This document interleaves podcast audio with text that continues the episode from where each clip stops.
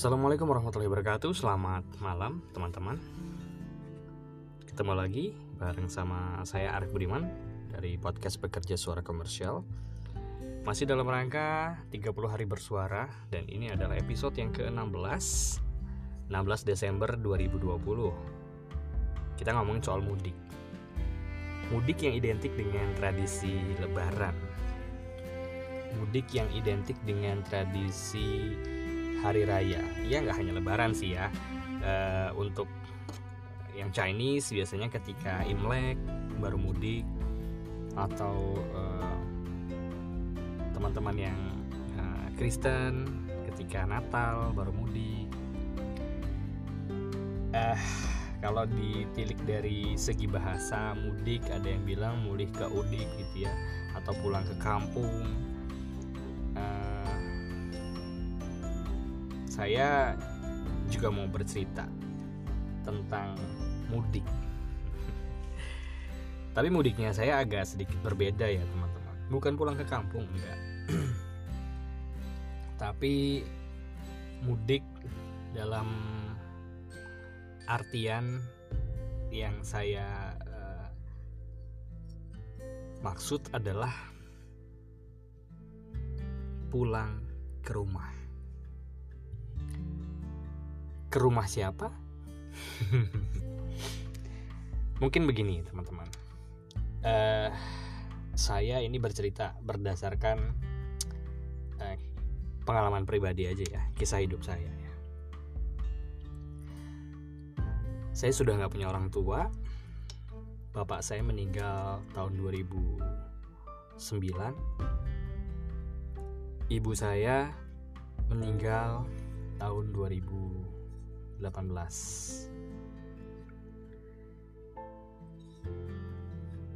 dan kakek nenek saya dari ibu juga sudah nggak ada. Dari bapak juga sudah nggak ada dua-duanya. Cerita tentang mudik cerita tentang uh, pulang kampung tentu bicara juga tentang rumah. Uh, rumah nenek saya yang dulu uh, saya datangi ketika libur lebaran atau libur uh, sekolah. Rumah nenek di Bandung sekarang sudah nggak ada. Secara fisik rumah itu sudah berubah jadi kos-kosan karena sudah dijual. Kemudian uh, ya sudah bukan jadi milik keluarga kami lagi maka sejak itu saya ketika ke Bandung sudah tidak lagi merasakan pulang ke rumah. Karena kenangan masa kecil saya sudah hilang, sudah tidak ada, sudah menjadi milik orang lain dan sudah berubah fungsi, bahkan berubah bentuk. Nggak ada lagi bentuk rumah nenek yang dulu saya kenal ketika saya kecil. Begitu juga rumah nenek dari ibu ya. Kalau tadi dari bapak yang di Bandung rumah dari uh, nenek yang dari ibu di Cibubur. Juga sama rumah itu sekarang sudah direnovasi karena memang rumah itu menjadi hak uh, waris bagi adiknya ibu saya yang paling bungsu.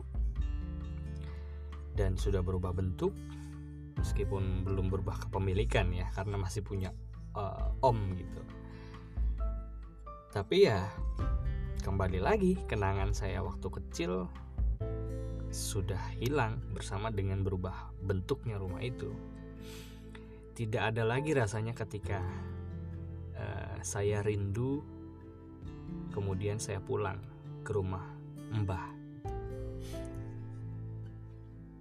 Maka dari hal itu saya belajar bahwa satu-satunya tempat yang membuat anak cucu tetap bisa terikat, tetap bisa bersatu, berkumpul adalah rumah orang tua. Meskipun bapak ibu saya sudah nggak ada, saya tiga bersaudara saya anak kedua adik saya laki-laki dan kakak saya perempuan. Kami bersepakat meskipun bapak dan ibu sudah nggak ada mau sesulit apa pun hidup kita rumah ini jangan dijual. Karena suatu saat ketika kita sudah tua ketika anak-anak kita sudah besar rumah inilah tempat kita pulang. Mau sejauh apa pun kita pergi sejauh apa pun kita merantau berpetualang ke ujung dunia sekalipun kita masih punya tempat untuk pulang yang kita sebut rumah kenangan-kenangan saya masa kecil kenangan ketika ibu dan bapak masih ada cerita-cerita tentang nakalnya saya.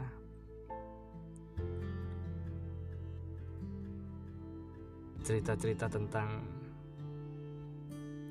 apa pun yang saya lalui di rumah itu, saya berharap bisa tetap terjaga. Dan anak-anak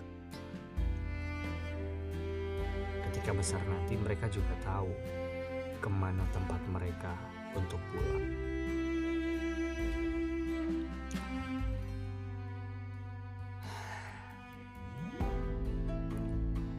Saya nggak mau ketika nanti anak-anak sudah besar, orang tuanya nggak ada, mereka nggak punya tempat untuk bertemu di momen-momen karena sudah tidak ada lagi rumah orang tuanya rumah kakek neneknya.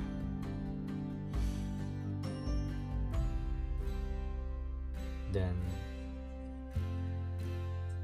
uh, ya memang kedengarannya melankolis banget ya. Tapi ya saya nggak mau mengulang kesalahan yang sama yang dilakukan oleh orang tua orang tua kami. Yang uh, tidak menjaga kenangan itu dengan baik, tidak menjaga nilai dari sebuah rumah, tempat anak cucu untuk pulang, karena mengedepankan uh, kebutuhan perut sendirilah. Saya sebutnya begitu. Karena toh ketika uh, rumah itu tetap ada selain kenangan-kenangan itu tetap terjaga ya seperti yang tadi saya bilang setidaknya kita tahu ke mana tempat yang akan kita tuju. Ketika kita merasa jenuh, capek, bosan, marah, atau apa pun itu yang terjadi di luar sana, kita masih punya rumah untuk kembali.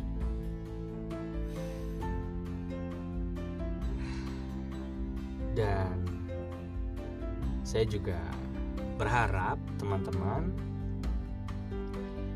yang saat ini mungkin sedang memperjuangkan hubungannya dengan seseorang seberat apa pun ujian yang kalian sedang hadapi sesulit apa pun masalah yang kalian sedang jalani saat ini semoga teman-teman yang uh, saat ini mungkin masih pacaran ya belum menuju ke jenjang pernikahan tapi akan ada saatnya untuk menuju ke jenjang pernikahan ya saya berdoa mudah-mudahan teman-teman niatnya